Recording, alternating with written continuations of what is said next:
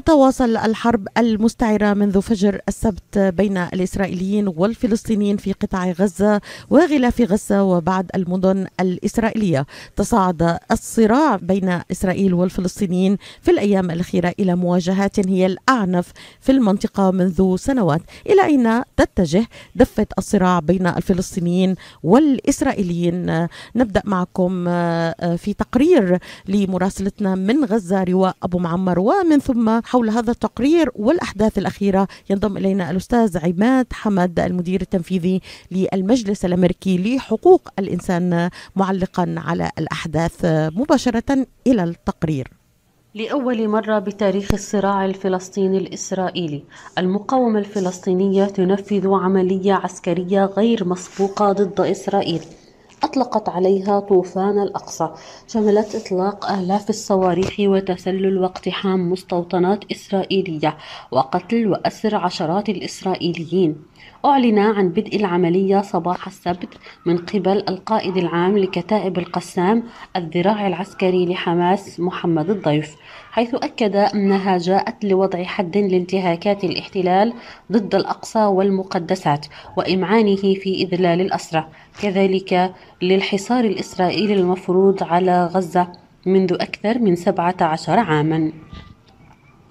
وفي تعقيبه حول الأحداث الجارية قال فايز الدويري اللواء والخبير العسكري والاستراتيجي من عمان. دعيني أشير إلى نقطتين هامتين. النقطة الأولى وهي تتعلق في الإطار العام للمعركة. استطاعت قوات النخبة في حماس أن تطبق مقاربة أن أفضل وسيلة للدفاع هي الهجوم. وأن أنجع المعارك هي التي تقام على أرض العدو وليس على أرضه. النقطة الأخرى هي المرة الأولى منذ 75 عام تطأ أقدام المقاتلين تراب فلسطين عام 1947 وبالتالي سجلت وتعتبر نقطة فارقة في تاريخ الصراع. الآن نأتي إلى موضوع الترويع والصدمة. والذي من خلاله تم تحقيق المفاجأة في مستوياتها الثلاث الإستراتيجية والعملياتية والتكتيكية. الآن المقاربة الأولى لانطلاق عملية طوفان الأقصى تمت من خلال مقاربة كانت مألوفة للعدو. وهذه المقاربة أن تعتبر التهديد الرئيسي هو الصواريخ. فكانت المقاربة باستخدام الصواريخ ترسيخا لقناعات نتاج خمسة حروب سابقة ولكن تزامن معها بعدين إضافيين. البعد الأول إجراء عمليات الجامينج أو التشويش على محطات الرادار ونقاط المراقبة والاتصالات فكان لا أقول هناك ما يطلق عليه. بالإعماء الكامل ولكن كان هناك تعطيل جزئي لكفاءة هذه الشبكات من المراقبة وشبكات الاتصالات. وجاء في ظل هذا هذين البعدين البعد الثالث وهو البعد الرئيسي في المعركة. اندفاع المقاتلين من أكثر من محور من أكثر من نقطة عبور مستخدمين ثلاثة وسائل البر والبحر والجو. تزام يقابل ذلك. كان هناك نوع من الترهل. أقول نوع من الترهل لدى الجانب الآخر لدى الجيش الإسرائيلي الذي ترسخت لديه القناعة بأن العدو المقابل إمكاناته تتجسد وتتلخص في استخدام الصواريخ. وكان هناك مرة واحدة عملية اختراق للجدار وللسياج. من خلال الأنفاق لكن أن يتم الاقتحام المكشوف بفتح ثغرات ودخول المقاتلين هذا لم يكن يدور في غلب جرى خلال الضربة الأولى لطوفان الأقصى إطلاق خمسة آلاف صاروخ صوب مستوطنات ومدن الاحتلال الإسرائيلي وتسلل المئات من المقاومين إلى مستوطنات غلاف غزة ونفذوا عمليات إطلاق نار تطورت لاحقا لاشتباكات مسلحة في أكثر من موقع مع شرطة الاحتلال والمستوطنين أسفرت عن قتلى وجرحى وأسرى وعلى إثرها أعلنت هيئة البث الإسرائيلية عن مقتل 700 إسرائيليا خلال الهجوم ولا زال هناك مفقودين. واعترف جيش الاحتلال أن كتائب القسام أسرت جنودا وضباط دون أن يحدد عددهم لكن نائب رئيس المكتب السياسي لحركة حماس صالح العاروري قال إن ما بحوزة القسام من أسرى هو عدد كبير وهم جنود وضباط وهذا العدد كفيل بتحرير جميع الأسرى الفلسطينيين من سجون الاحتلال. كما أكدت سرايا القدس ذراع العسكري لحركة الجهاد الإسلامي في غزة أيضا أنها أسرت عددا من جنود الاحتلال. وتحدثت وسائل إعلام إسرائيلية عن مئات المفقودين الذين لم يعرف مصيرهم بفعل هجوم المقاومة المباغت وأن إحدى القوائم بأسماء المفقودين تضم أكثر من 500 اسم. وفي مقابلته الحصرية مع إذاعة صوت العرب من أمريكا علق الخبير في الشأن الإسرائيلي أيمن الرفاتي على دلالات وتوقيت العملية المفاجئ. بسم الله الرحمن الرحيم. يعني آه، العملية العسكرية للمقاومة الفلسطينية على حدود قطاع غزة آه، تحمل عددا من الدلالات الهامة المتعلقة بتطور المقاومة الفلسطينية وعدم تحملها لحالة الحصار الكبير الذي استمر على قطاع غزة أكثر من 17 عاما دون أن يكون هنالك تحرك من آه، قبل آه، المجتمع الدولي ومن قبل الأمم المتحدة. وهو الدافع الرئيسي بالإضافة إلى الجرائم التي ترتكبها الحكومة اليمينية الإسرائيلية تجاه المقدسات الإسلامية وخاصة في مدينة القدس المحتلة ومخططاتها لضم الضفة المحتلة. إضافة إلى مشاهد الدماء والاعتداء على النساء والأطفال في الضفة المحتلة كان دافعا أساسيا لدى المقاومة الفلسطينية للذهاب إلى مواجهة عسكرية آه، مع هذا الاحتلال. لا شك أن الواضح أن من الواضح أن كتائب القسام الجناح العسكري لحركة حماس أعد نفسه لهذه المواجهة جيدا وقد استطاع أن يشل الاحتلال آه، على في منطقة غلاف غزة آه، في اليوم الأول وتفجير الحدود والسيطرة على أكثر من خمسين موقعا عسكريا على طول حدود قطاع غزة. ومن ثم تدمير وتحييد فرقة غزة في جيش الاحتلال وهذا ما مكنوا من الدخول والتوغل في مستوطنات غلاف غزة. وهذا يشير إلى أن هذا السيناريو معد له جيدا من قبل حركة حماس ومن قبل المقاومة الفلسطينية. وأيضا آه، يشير بشكل واضح إلى أن جميع الاستعدادات التي كان يضعها الاحتلال في المنطقة الحدودية وخاصة فيما يتعلق بالجدار التحت أرضي وفوق أرضي وال آه، يعني المحاولات الإسرائيلية لمنع وصول أي فلسطيني لمنطقة الحدود. تم كسرها بشكل كبير وواضح من قبل المقاتلين الفلسطينيين الذين ما زالوا يواصلون اقتحام المنطقة الحدودية وينفذون عمليات عمليات إنزال في عدد من المناطق وقد استخدمت المقاومة آه، في هذه العملية الدخول البري عبر آه، آه، يعني جيبات عسكرية تابعه للمقاومة بالإضافة إلى دراجات نارية. ومن البحر تحركت قوات الضفادع البشرية والكوماندوز البحري للمقاومة وقد وصلت إلى عدد من المواقع العسكرية في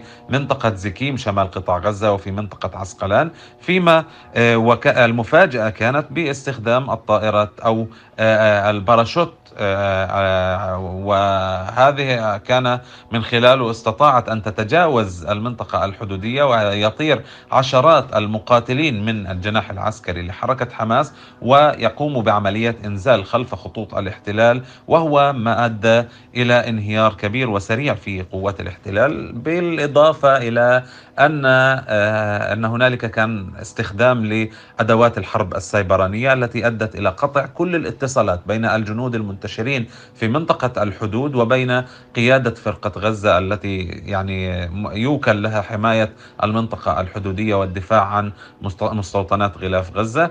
لا شك أن آه، هذا العمل وهذا الجهد بالإضافة إلى الجهد الأمني والاستخباري من خلال التعمية وعدم وصول أي معلومة لدولة الاحتلال آه، وما جعل المقاومة تباغت هذا الاحتلال وتؤدي إلى حالة من شبيهة بالانهيار بقواته في منطقة غلاف غزة. اضطر ل أو بقي الاحتلال لأكثر من عشر ساعات حتى استوعب ما حدث على حدود قطاع غزة. وحتى الوقت الحالي هو ما زال عاجزا عن السيطرة على على الأوضاع التي توجد في منطقة غلاف غزة. لا شك أن هذه المعركة سيكون لها ما بعدها من تغيرات استراتيجية على بيئة المقاومة الفلسطينية وعلى القضية الفلسطينية ومكانة القضية الفلسطينية في آه، الواقع الإقليمي والواقع الدولي. آه، ما تملك المقاومة الفلسطينية من عدد كبير من الأسرى آه، داخل قطاع غزة. يعتبر ورقة قوة لديها بالإضافة إلى تواجد مقاتليها في منطقة الحدود. هذا الأمر يؤدي إلى تكبيل حكومة الاحتلال. لكن هنالك خيارات أخرى. إن ذهبت حكومة الاحتلال لتو... يعني توسيع العملية العسكرية مع قطاع غزة فإن المقاومة الفلسطينية قد تذهب إلى تفعيل جبهات أخرى وخاصة في منطقة شمال فلسطين المحتلة مع حزب الله بحيث يكون هنالك تشتيت لقوات الاحتلال وإضعاف لقدره الاحتلال على التعامل مع المعطيات العسكرية الميدانية. وهذا باعتقادي آه، إحدى الأوراق القوية التي ما زالت تمتلكها المقاومة الفلسطينية. واليوم كان هنالك إطلاق للصواريخ آه، والقذائف آه، وتبادل إطلاق القذائف بين حزب الله اللبناني وبين آه، جيش الاحتلال وهذه ربما كانت رسالة شديدة اللهجة من آه، آه، الحزب وحلفاء حماس في المنطقة بأنهم هم جزء من هذه المعركة ولن يتركوا الاحتلال للتفرد بالمقاومة الفلسطينية وبالمدنيين الفلسطينيين داخل قطاع غزة.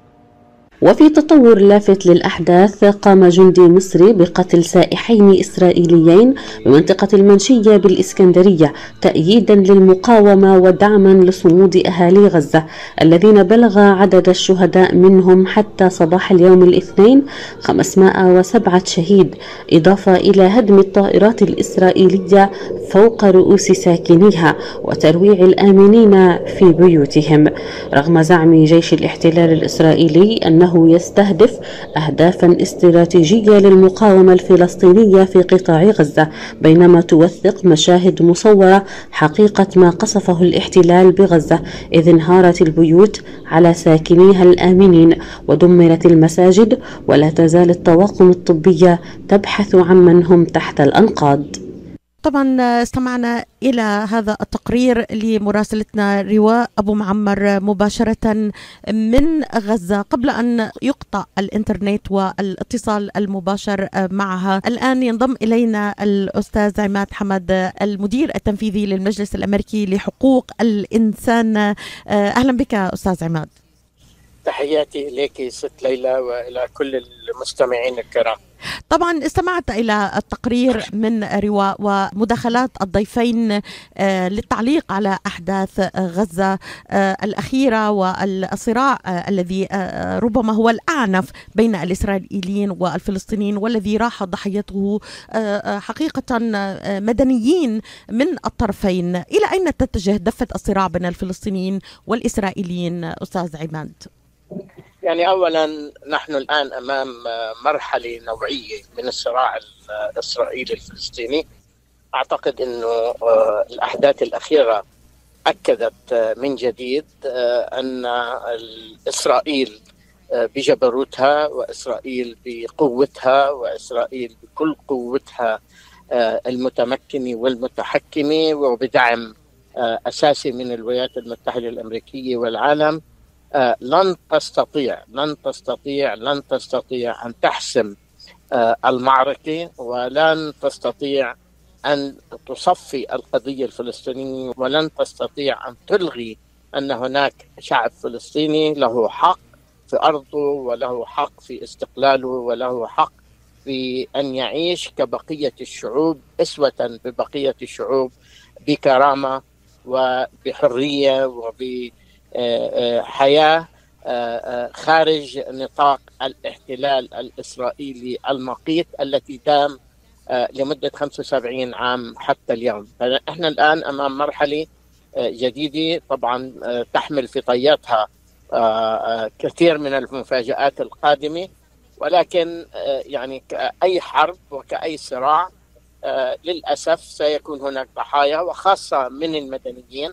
وهنا أكد أنه لا أحد يعني يؤيد قتل المدنيين أو استهداف المدنيين بأي شكل من الأشكال. ولكن الحرب حرب عمياء المواجهات العسكرية خاصة في ظل هذه الظروف في ظل ظرف إسرائيلي مذهول من هول العملية. ولأول مرة بتاريخ الصراع الفلسطيني الإسرائيلي يشهد الاحتلال الإسرائيلي مواجهة فلسطينية نوعية بهذا الشكل، طبعا نحن أمام تحولات تاريخية يصعب تقديرها بدقة ولكن تفاعلاتها سيكون لها تفاعلات كبيرة. على الواقع الفلسطيني على واقع الصراع وعلى واقع المنطقة والعالم. أستاذ عماد يعني الرئيس محمود عباس في اتصال هاتفي مع وزير الخارجية الأمريكي أنتوني بلينكن قال إن التصعيد الأخير يعود لممارسات المستوطنين والقوات الإسرائيلية والاعتداءات على المقدسات خاصة المسجد الأقصى أيضا قطار التطبيع المستمر في ظل تجاهل تام للقضية الفلسطينية حفزت ربما طوفان الأقصى هناك محللون عزوا الهجوم المفاجئ لحركة حماس في غياب الأفق السياسي لأي تسوية سياسية من شأنها أن تضمن حقوق الشعب الفلسطيني بالتحرر والاستقلال وإقامة دولة عاصمتها القدس. هل ترى هذا واقعا ملموسا من جانب حقوقي ومن جانب إنساني؟ بالتأكيد أنا أعتقد أنه هذا توصيف دقيق جدا. يعني الآن لنبعد قليلا عن المكنة الإعلامية الأمريكية والغربية المنحازة بشكل فاضع لصالح إسرائيل اللي يعني فحواها ومضمونها ازدواجية معايير غير أخلاقية وغير قانونية وغير إنسانية. يعني الآن عندما نتحدث عن الهجوم الفلسطيني الأول من نوعه ضد إسرائيل تناسى العالم بسرعة أن هناك 75 سنة من الاحتلال والقهر والإذلال والتنكيل. هناك 17 عاما من حصار غزة المغلق الغير إنساني الغير شرعي الغير قانوني. غزة منذ 17 عام لليوم هي بمثابة سجن لا أمامه إلا الفضاء. معابر سبع معابر تحكم يحكم فيها الحصار. يحكم فيها التحكم بكل صغيرة وكبيرة في قطاع غزة. وقطاع غزة لمن يعرف جغرافيا منطقة جغرافية صغيرة ولكن كثافتها السكانية هائلة. يعني إذا طلع طلقة واحدة إذا رمي حجر إذا رمي صخرة قد تصيب الناس من الاكتظاظ السكاني الناس تعيش أزمة إنسانية كارثة إنسانية حقيقية. آلاف السجناء الفلسطينيين لا زالوا في سجون الاحتلال ومنهم من من هناك بالسجن ما يزيد عن 35 و40 عام. هناك أطفال هناك نساء في السجون وهذا على مسمع ومنظر العالم بأسره لكن للأسف إسرائيل تعطى حق بين قوسين حق الدفاع عن النفس رغم أنه هي قوة الاحتلال. وعلى قوة الاحتلال أن تحترم القوانين الدولية تجاه الشعب المحتل إسرائيل إذا أردنا هيك نظرة سريعة حول مقررات الأمم المتحدة نرى أن هناك عشرات وعشرات من المقررات الدولية اللي تطالب إسرائيل بالانسحاب أن تطالب إسرائيل بالتقيد بالقانون الدولي. إسرائيل الدولة المدللة في العالم بسبب الدعم اللامحدود والأعمى من الولايات المتحدة الأمريكية. إسرائيل مارست وتمارس دورها أنها فوق القانون الدولي وفوق كل اعتبارات العالم. لذلك يعني عندما قام الفلسطينيون بهجوم نوعي ومميز والأول من نوعه انقلبت بسحر ساحر نظرة العالم وأصبحت نظرة العالم تدين هذا الهجوم وتدين حق الدفاع عن النفس. حق الدفاع عن النفس كما يبدو أنه حق مصال لإسرائيل فقط وفقط لإسرائيل. أما لما تيجي لأطراف ثانية فلسطينية أو عربية أو غيرها هذا حق الدفاع عن النفس محظور ممنوع وبالعكس يدان. من يدافع عن نفسه يدان. من يدافع عن بيته يدان. من يدافع عن أرضه يدان. من يدافع عن كرامته يدان. ولكن المحتل القوة المحتلة التي نكلت بالشعب الفلسطيني على مدار 75 سنة بقدرة قادر آه الآن هي الضحية. طبعا نحن لا نشمت بقتل المدنيين ولا نؤيد قتل المدنيين خاصة أستاذ عماد دعني أتوقف عند حادثة مقتل سياح إسرائيليين في مصر لا مبرر أبدا لما قام به يعني الشرطي حتى لو كان من باب التأييد. أعتقد أن من يدخل بلدا يجب أن يكون آمنا. أتوقف عند الحادثة لأنها أعتقد أنها تسيء أكثر ما تساند مشروعية الدفاع عن النفس. دعني أوضح هذه النقطة. هناك ردود فعل ستأخذ أشكال وأبعاد مختلفة منها المنطقي منها المعقول منها آآ آآ العاطفي منها آآ السياسي منها الأيديولوجي منها العفوي منها المنظم. يعني أنت لما تكوني بحالة حرب وحالة صراع دموي يعني الآن العالم يشهد الحرب الإسرائيلية الشاملة القاسية تجاه قطاع غزة. أعطيني هدف إسرائيلي عسكري قصف في غزة. يمكن يكون أعداده محدودة إذا هناك مراكز تابعة لحماس أو غيرها. هنا الموضوع ليس حماس أو الجهاد أو الفصائل. نحن نتكلم عن شعب فلسطيني عن آلاف آلاف مؤلفة من الفلسطينيين من الأطفال والنساء والعجز والكهل وإلى آخره يعيشون في منطقة جغرافية ضيقة. الآن هم تحت تحت نيران المدفعية الإسرائيلية التي لا تميز. يعني عم بقصفوا الأبراج المدنية عم بقصفوا البيوت المدنية عائلات بأكملها تدمر. العالم لا ينظر لهذه الضحايا. العالم الآن أو الإعلام الأمريكي يركز على ضحايا الجانب الإسرائيلي. طبعا الحرب لها ضحايا. طب إسرائيل لما اجتاحت إسرائيل لما احتلت إسرائيل على مدار 75 سنة على مدار 17 سنة تنكل بأهل غزة. وتنكل بأهل الضفة، طيب هاي الضفة يا أختي خلينا بلاش نحكي عن غزه، خلينا نحكي عن الضفة التي يتغنوا فيها إنه فيها سلطة فلسطينية وإنه فيها نوع من الحكم الذاتي الموتور المقطوع المقطع المجزأ إلى آخره، طيب هاي إسرائيل يوميا تدخل الضفة الغربية ويوميا تقتل الفلسطينيين ويوميا تغتال النشطاء الفلسطينيين على مرأى ومسمع من السلطة الفلسطينية، أين العالم من ذلك؟ إسرائيل اعطيت الحق من قبل الولايات المتحدة الأمريكية وما يسوى بالضوء الأخضر إنه إسرائيل لها الحق أن تقوم بأي عمل ايا كان وبأي بعد ولها الحق تحت شعار الدفاع عن النفس. يعني هذا شعار الدفاع عن النفس يعني أصبح مبدأ لا ينطبق إلا على إسرائيل ولا ينطبق على أي شعب ولا أي دولة ولا أي جهة في العالم بأسره. طبعا أنا أتفهم إنه الضربة النوعية أو الهجوم النوعي لحركة حماس على المواقع الإسرائيلية لم تكن بالحسبان وأذهلت الكيان الإسرائيلي وأذهلت كل الجهات الاستخبارية العالمية وبما فيها الولايات المتحدة الأمريكية اللي تعمل بشكل وثيق وتنسق. لذلك أنا أفهم وأتفهم إنه وهل هذا العمل النوعي المميز الغير مسبوق سيأخذ وقت لاستيعابه. وإسرائيل في حالة ذهول وإسرائيل في حالة هوس وإسرائيل في حالة جنون. إسرائيل الآن همها الأول والأخير وهم الولايات المتحدة. وحلفاء إسرائيل أن يعيدوا الاعتبار لهيبة الجيش الذي يقهر الذي قهر والذي سجل التاريخ. ولمرة ثانية في الصراع العربي الإسرائيلي أن هذا الجيش جيش هش جيش محتل. يعني حتى بالقوانين الدولية. خلينا نقول إنه إسرائيل تحتل الضفة، إسرائيل تحتل غزه. إسرائيل وضعت غزة تحت حصار غير إنساني لمدة 17 سنة. طيب القانون الدولي يفرض على المحتل على القوة المحتلة أن تؤمن الماء والغذاء والداء والدواء للشعب المحتل، الآن ما نرى طوال 17 سنة بالقطاره. الآن هذه الحرب حرب إبادي، حرب يعني قد لا سمح الله نشهد مجازر مجازر إنسانية كارثة إنسانية أنه الآن غزة سيقفل عليها من كل الجهات وأنه غزة الشعب في غزة سيدفع ثمن عدم إمكانية حتى البقاء على قيد الحياة.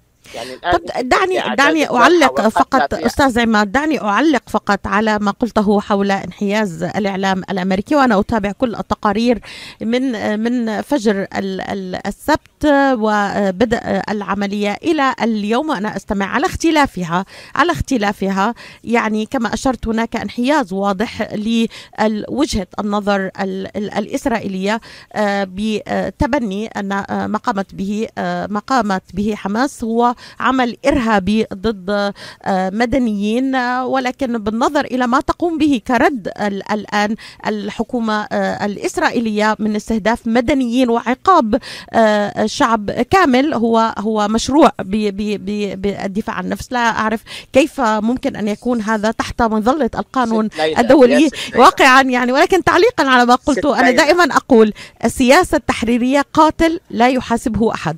الموضوعية لا وجود لها أفضل درس تعلمته أستاذ عماد في الصحافة. وأصدق ما قيل لي أن آه، عن أحاديث المهنية والحياد وعدم تبني الآراء كلها شعارات يتم تقديمها فقط للعوام. السياسة التحريرية قاتل لا يحاسبه أحد. تفضل. ست ليلى ست ليلى. المستوطنات الإسرائيلية بنظر حتى القانون الأمريكي غير شرعية وغير قانونية. والمستوطنين الإسرائيليين بهذه المستوطنات يقومون باستفزاز واعتداء يومي على الفلسطينيين. يا عدد كبير من الشبان العزل قتلوا عدد آه، كبير من النساء والفتيات قتلوا ونكل بهم الاعتداءات المتواصلة المتكررة المشينة بحق الأقصى. يعني آه، أنت لحد الآن يعني أنه يسمح للمستوطن الإسرائيلي أن يدخل الضفة وأن يدخل أي مكان في الأراضي الفلسطينية. وأن يخطف ويقتل وهو ليس مجرم. هو عم بدافع عن نفسه رغم أنه هو محتل ويقيم على أرض غير شرعية ومحتلها بشكل غير قانوني وغير شرعي. الآن لما بنتحدث عن أطفال من سن العشر سنوات لل 15 سنة في سجون الاحتلال لما بنتحدث عن نساء يعني إحنا هل تناسى العالم؟ وللأسف يتناسى بسرعة. ما شاهدناه من تنكيل بحق المدنيين الفلسطينيين في في محيط المسجد الأقصى وداخل المسجد الأقصى وفي المقدسات المسيحية. لسه قبل آه، آه، يومين كان هناك وفد ديني مسيحي آه، يجول في القدس وتم الاعتداء عليه وتم البصق عليه بدون احترام بدون إلى آخره. هذا يبرر وهذا يوجد له تبرير بالصحافة الأمريكية وبالصحافة الغربية. وهذا لا لا يعطى أي اهتمام في الولايات المتحدة الأمريكية. ولكن عندما يقوم شاب فلسطيني وإن كان برده فعل عفوية وإن كان برده فعل عاطفية هذا إرهابي وهذا ممنوع وهذا يجب دفع ثمنه من قبل الشعب الفلسطيني بأسره. إحنا نتكلم عن مأساة إنسانية حقيقية عمرها 75 سنة. أنا أعتقد أنه هاي الطفرة الإعلامية الحالية هي فقط ردة فعل على سقوط آه، آه، آه، الجبروت الإسرائيلي والجيش الذي لا يقهر وسقوط نظرية أنه إسرائيل تتمكن بقدرتها العسكرية أن تحسم هذا الصراع وأن تذوب وتصفي القضية الفلسطينية. هذه العملية بغض النظر. دعني أنتقل معك إلى ملف ما إن علاقة بالديبيت السياسي بالنقاش السياسي مين مع حماس وضد حماس. حط هذا على الرف. الآن إحنا نتحدث عن شعب مقهور شعب نكل فيه ل 75 سنة شعب لا زال يعاني يوميا. إذا نقطة الصراع هنا آه، آه، آه، يعني كي أنتقل إلى ملف الأسرى سريعا معك قبل أن يدهمني الوقت أستاذ عماد. يعني نقطة الحوار هنا ليست حماس هناك من يصنفها بمجموعة مجموعة إرهابية بحسب التصنيف الغربي وهناك من يعتبرها مقاومة مقاومة شعبية مشروع. تفضل تفضل. ليلى ليلى تفضل. يعني لما تعتدي على شعب باكمله لما تنكلي بشعب باكمله لما تهيني كرامته تعيني أرضه لما تسل بحقه لما تحرميه من من كل شيء في آه، بدائيات الحياة الكريمة والشريفة إلى آخره. شو بتوقع العالم؟ ما هو الضغط يولد الانفجار. يعني إذا بدنا نيجي التشكيلات المختلفة لما يسمى المقاومة الفلسطينية أو المقاومة كيف ولدت هاي كيف خلقت؟ إجت هيك بالباراشوت من السماء ولا إجت نتيجة العذابات والقهر والظلم اللي, اللي من يتحمل هاي المسؤولية؟ من يتحمل المسؤولية الاحتلال و وإرهابه ومجازره واستمراره بتنكيل هذا الشعب الفلسطيني وإدارة الظهر لأبسط حقوقه الإنسانية. لذلك هذه الحرب القائمة حاليا أو أحد جولات الحرب القائمة لن تكون النهاية وستولد أجيال قادمة ستكون أكثر إصرار على المواجهة. وأثبت الشعب الفلسطيني إنه مستعد على تقديم التضحيات واعتاد على تقديم التضحيات. ولن ينتهي المطاف هنا بأعداد حتى وإن كانت مؤلفة. يعني هناك حق تاريخي هناك حق لا يمكن التنازل عليه. وإسرائيل والولايات المتحدة ومن لف لفهم عليهم أن يروا الحقيقة بعينها إنه لا يمكن لهذا الصراع أن ينتهي بظل بقاء الاحتلال يعني قائم. يعني باختصار آه، آه، قطار التطبيع آه، السياسي مع الدول العربية لن يحل هذه الأزمة المستمرة والصراع الإسرائيلي الفلسطيني. هذا ما ما ما نستنتجه يعني. بالتأكيد. إذا لم يكن هناك حل عادل وسلام شامل بين الطرفين ليس هناك سلام. بالتأكيد أصحاب الحل والحوار هم الفلسطينيين وليس أي جهة أخرى. انظري إلى الدول اللي قامت بعملية التطبيع أو اللي عندها علاقات تاريخية مع آه، إسرائيل. قولي لي شو استفادت؟ أنا بدي واحد يجي يعطيني تحليل تقرير موضوعي بعيد عن العواطف وبعيد عن الأحاسيس ويقول لي إنه هاي الدول ماذا استفادت ومن المستفيد بالتطبيع. إذا كان في استفادة للعالم العربي والشعب العربي والشعب الفلسطيني فليكن ولكن أثبتت التجربة. خلينا ناخذ على سبيل المثال الأردن. الأردن له علاقات تاريخية مع إسرائيل وأردن بالاتفاق الضمني الإسرائيلي الدولي أنه الأردن هي الحريصة هي القائمة على الأوقاف الإسلامية في, في الأراضي الفلسطينية وما فيها القدس والأقصى وإلى آخره. ماذا يجري؟ تعتدي إسرائيل على الأقصى يوميا وباستمرار وعلى مدار الساعة بدون أي اكتراث ولا احترام لا للأردن ولا لوصايته ولا لوجوده على الأوقاف. مصر. أوكي. يعني دول الخليج. الواحد مش ضد السلام. إحنا بدنا سلام ولكن بدنا سلام عادل بدنا سلام حقيقي بدنا سلام يضمن للحق للشعب الفلسطيني حقه. مش سلام وحيد الجانب سلام كما ترى إسرائيل. سلام كما تمليه إسرائيل. سلام كما تمليه الولايات المتحدة الأمريكية. السلام الحقيقي يبدأ بإنهاء الاحتلال الإسرائيلي للأراضي الفلسطينية وبإقرار إسرائيل إنه هناك شعب فلسطيني له حق لن يموت طالما وراءه مقاوم وطالما وراءه آه، مطالب بحق. لذلك آه، أتمنى آه، يعني رغم آلام وأوجاع المرحلة الحالية والحرب الشعواء وما قد تنذر به الأيام القادمة والضحايا وإلى آخره وإلى آخره إنه عل وعسى إن يكون في صحوة وإستفاقة إنه هذا الصراع لا يمكن أن ينتهي ولا يمكن أن يحسم بالقوى العسكرية ولا مفر ولا مجال للحل إلا بإنهاء الاحتلال الإسرائيلي كمدخل أساسي للاستقرار في المنطقة أشكرك أستاذ عماد حمد المدير التنفيذي للمجلس الأمريكي لحقوق الإنسان. يبقى ملف مهم جدا هو ملف الأس... آه، شاهدنا صور كثيرة ومشاهد لنقل آه، آه، أسرى. بعضهم مسنين في العمر وأطفال من الجانب الإسرائيلي. هذه المشاهد أثارت ردود أفعال مختلفة. أستاذ عماد يبقى هذا الملف إلى يوم الأربعاء لضيق الوقت. أشكرك جزيل الشكر. الأستاذ عماد حمد المدير التنفيذي للمجلس الأمريكي لحقوق الإنسان.